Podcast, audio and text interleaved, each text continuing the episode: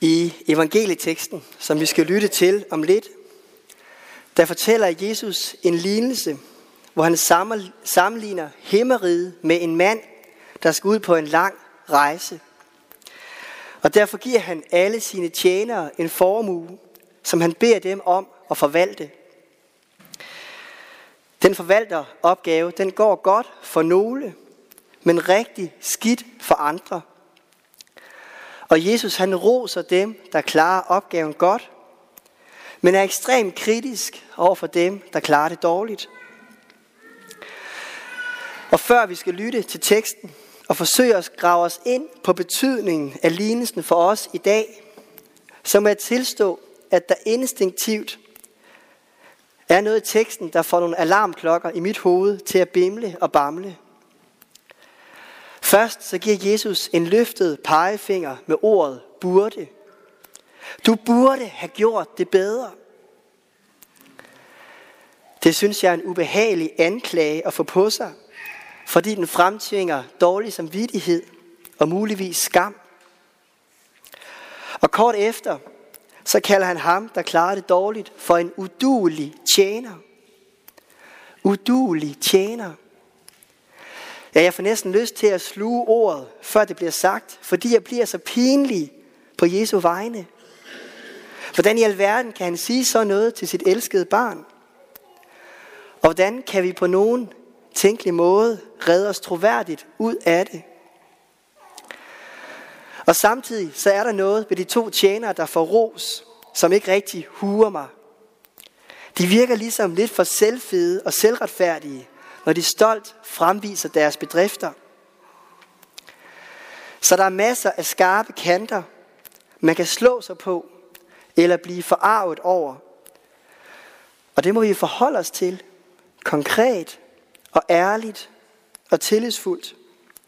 For lige så meget som bibelteksten kan forarve, så tror jeg, at teksten stiller nogle uhyre vigtige spørgsmål og udfordringer til vores kultur og til vores kirke i dag. Så nu må jeg gerne rejse jer og høre dette hellige evangelium, der står skrevet hos evangelisten Matthæus.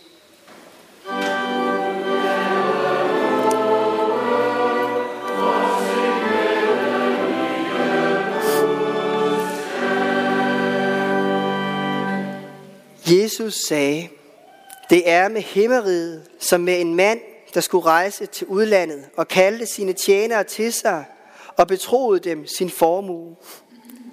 En gav han fem talenter, en anden to, og en tredje en. En hver efter hans evne. Og så rejste han. Den, der havde fået de fem talenter, gik straks hen og handlede med dem og tjente fem til. Ligeledes tjente han med de to talenter to til.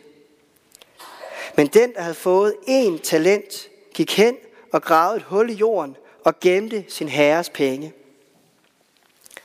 Lang tid efter kommer disse tjeneres herre tilbage og gør regnskab med dem. Den, der havde fået de fem talenter, kom og lagde andre fem talenter på bordet og sagde, Herre, du betroede mig fem talenter. Se, jeg har tjent fem talenter til. Hans herre sagde til ham, Godt, du gode og tro tjener. Du har været tro i det små, og jeg vil betro dig meget. Gå ind til din herres glæde. Også han med de to talenter kom og sagde, Herre, du betroede mig to talenter. Se, jeg har tjent to talenter til. Og hans herre sagde til ham, Godt, du gode og tro tjener. Du har været tro i det små, jeg vil betro dig meget. Gå ind til din herres glæde.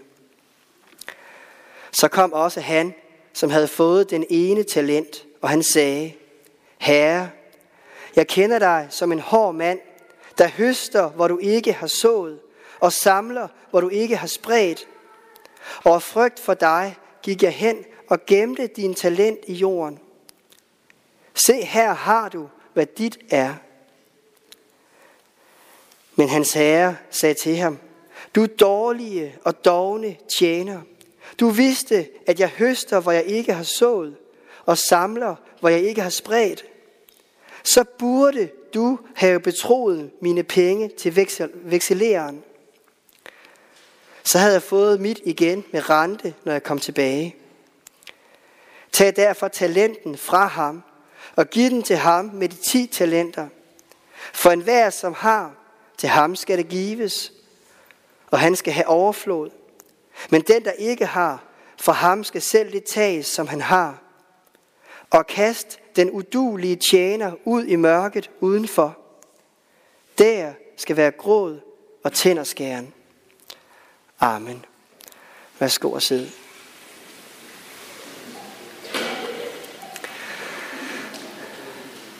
Der er tydeligvis meget på spil, og scenen den er lagt til et højspændt drama.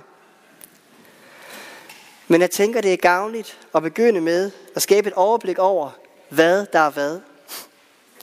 Manden i lignelsen, der rejser væk, svarer til Jesus, der far til himmels efter sin korsfæstelse og død og opstandelse. Ved sin himmelfart, der efterlod han en formue i hænderne på sine tjenere.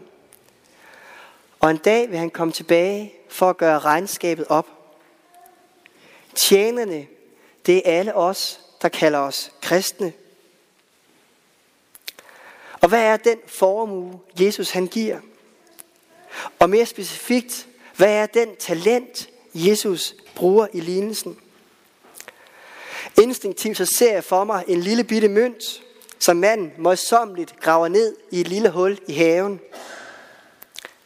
Eller jeg tænker på et talent i stedet for én talent. Det vil sige en evne, vi har fået. For eksempel til at synge eller danse. Hvis det her havde været en danskjole, skulle I bare se, hvad jeg kunne. Men før jeg får mig ud i sådan noget, så vil jeg slå fast, at med Jesus med ordet talent sigter til noget helt andet. En talent var på den tid betegnelsen for en uhyre stor sum penge, der svarede til op mod 20 års lønninger for en almindelig daglejer eller lønmodtager. 20 års lønninger. Det er sandelig ikke så lidt, uanset hvor meget vi tjener. Og forestil dig så at være den, der får det hele fem gange. Men i præcis beløb er egentlig ikke så afgørende. Det centrale er, at vi får givet en svimlende stor formue. En formue, der er et billede på den enorme rigdom, der ligger i at tage imod og blive betroet Jesu nåde og løskøbelse. I lyset af Jesus samtid var det slet ikke utænkeligt at grave sine penge ned på den måde, som han gjorde. Det var faktisk en udbredt praksis for at sikre sine penge mod krig, eller mod tyveri, eller mod løsluppen forbrug. I det lys er det reelt set de to første tjeneres dristighed, der er mest overraskende. Men mandens beslutning og besvær med at grave det ned står som en særdeles illustrativ og tankevækkende handling, der rejser nogle vigtige spørgsmål og svære udfordringer også ind i vores kultur. For hvordan forvalter vi den rigdom, vi har fået lagt i vores hænder? Ikke bare rigdom som i økonomisk velstand, men den rigdom, vi får givet og skænket med den største og dyreste gave af alle i dåben, nemlig syndernes forladelse og ret til at kalde Gud for vores far. Hvordan forvalter vi den rigdom? Graver vi det ned, så det bliver gemt væk? Eller investerer vi det, så det spreder sig? Jeg tror, at vi som manden, der gravede den ene talent i jorden, kan grave vores gave fra Jesus i jorden på flere forskellige måder i dag. Og jeg kunne tænke mig at beskrive to forskellige typer nedgravninger, som hver har sine udfordringer. Den ene er, når vi graver gaven ned i kulturen og gemmer den som en del af vores tradition. Den anden er, når vi graver gaven ned i vores menneskefrygt og bag lukkede bygninger. Og lad mig bare sige med det samme, at jeg oplever begge nedgravninger som ekstremt udfordrende. Og før jeg vil i tale sætte dem lidt nærmere, så er det vigtigt for mig at understrege, at jeg også selv står her som et syndigt og fejlbarligt menneske, der både kan fremstå og føle mig lige så udulig som den tjener, der fik en barsk røffel af Jesus. Hvordan kan det se ud, når gaven bliver gravet ned i vores kultur og gemt som en del af vores tradition? Jo, det tror jeg for eksempel kan være, når vi får givet gaven med verdens største formue i vores dåb. Men vi tager den ikke til os og lever med den. I stedet graver vi den ned, så den bliver gemt og måske endda helt glemt. Eller sagt mere direkte, når vi gerne vil kalde os kristne af kultur, men graver alt snak om tro og livsfællesskab med Jesus ned i jorden. Det kan virke ekstremt provokerende at sige, og jeg kan mærke en dyb frygt for uhensigtsmæssigt at støde nogen ved at sige det på den måde. For det er jo bestemt ikke politisk korrekt at stille spørgsmål ved hinandens tro. Det anses jo for at være en privat og individuel sag i vores land. Men vi kommer heller ikke uden om, at Jesus gentagende gange i evangelierne giver et næsten rystende klart kald til tro og til efterfølgelse. Vi er frelst af nåden alene. Gaven er gratis, og den bliver givet til enhver, der vil tage imod. Men det betyder ikke, at det er fuldstændig ligegyldigt, hvordan vi lever vores liv. For når gaven bliver åbnet op og pakket ud, vil den forme vores liv, vores prioriteringer, vores drømme, vores valg, vores relationer. Og i det lys, der oplever jeg, at evangelieteksten, den skyder næsten lige så voldsomt som et maskingevær. Fordi der er rigtig mange i vores kultur, der gerne vil kalde sig kristne af navn, men ikke af gavn. Og heldigvis er der svar og beslutninger, som kun Gud kan tage, og som kun Gud bærer ansvaret for. Men lige så fortørnet, som jeg kan blive over Jesu hårde behandling af den tjener, der græder sin talent ned, lige så vigtigt er det, at vi ikke bliver så politisk korrekte, at vi ikke tør fortælle andre om vigtigheden af at pakke den dyre formue op. Og pakke den gave op, som Jesus ligger i vores hænder, når vi rækker dem frem som tomme skåle. Dermed siger jeg ikke, at der kun findes én måde at leve på som kristen. Der er mangfoldige af variationsmuligheder. Og vi må til enhver tid være påpasselige med at pege fingre af andre. For kærlig formaning forudsætter, at man bliver givet taleret af det andet menneske. Men det er vigtigt, at vi vedvarende tør stille spørgsmål til hinanden, fordi åbne spørgsmål er med til at opretholde samtalen og de lyttende ører. Jeg kan for eksempel godt undre mig over, hvorfor ingen af de to tjenere, der investerede deres mange talenter, spurgte den sidste tjener om, om det nu også var en god idé at grave dem ned i jorden. Hvorfor var der ingen af dem, der tog ham i hånden og viste ham, at han kunne få langt mere glæde af den gave, han havde fået. Og dermed er vi fremme ved det andet aspekt af at grave gaven ned. Nemlig når vi graver gaven og vores mange investeringer ned i menneskefrygt og lukkede bygninger. Det kan for eksempel ske, når vi får så travlt med vores eget fællesskab og vores egne programmer, at det er de andre, der må have skovlen frem for at komme ind og fordele det guld, som vi har modtaget. Eller det kan ske, når jeg i min menneskefrygt mister frimodigheden til at dele guldet med andre.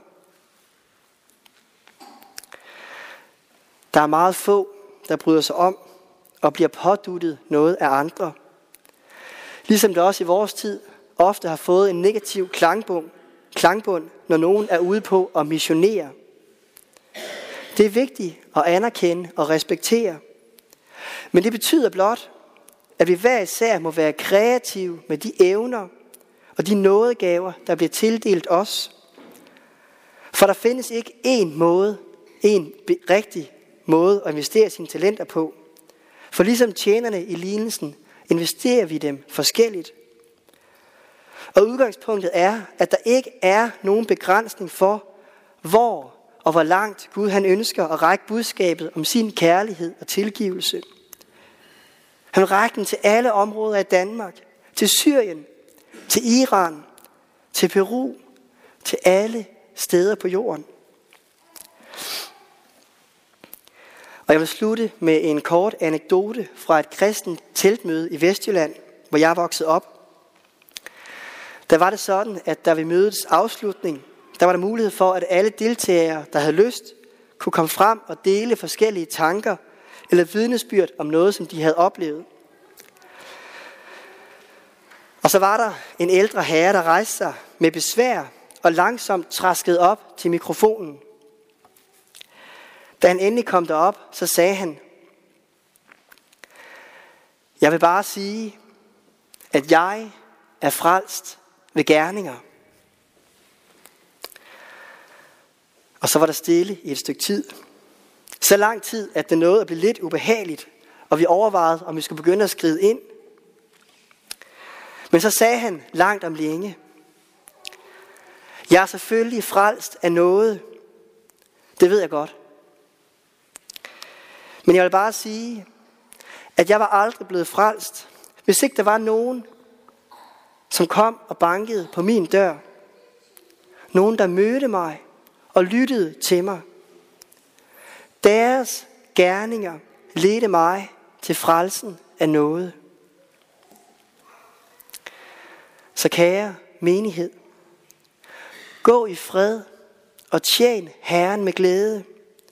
Og gør det med den forunderlige og dyrebare noget, som er blevet skænket jer. Fordi et hvert menneske fortjener at kende glæden og rigdom af og pakke den enorme formue op. Så lad os være stille og bede.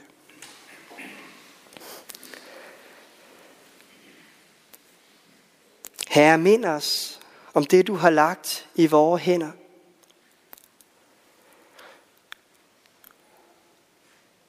Mind os om din kærlighed, barmhjertighed og nåde.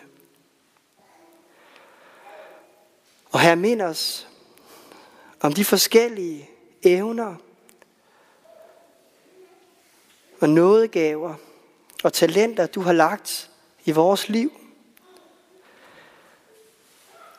Hjælp os til at finde kreativitet til at udfolde det og dele det med andre.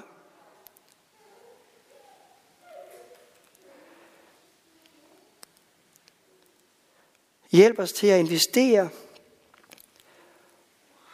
og gå i fred til vores næste. Og herre, bevar os alle hos dig, og lad os samles i dit rige, når du nyskaber himmel og jord.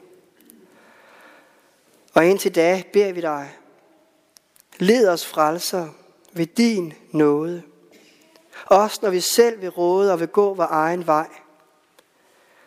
Sæt os, hvor vi bedst kan gavne. Men lad os aldrig savne vidshed, at vi tjener dig. Og derfor priser vi dig med tak og evig ære. Du som er fader, søn og helligånd. Du som var, er og bliver en sand treenig Gud. Højt lovet fra første begyndelse, nu og i al evighed. Amen.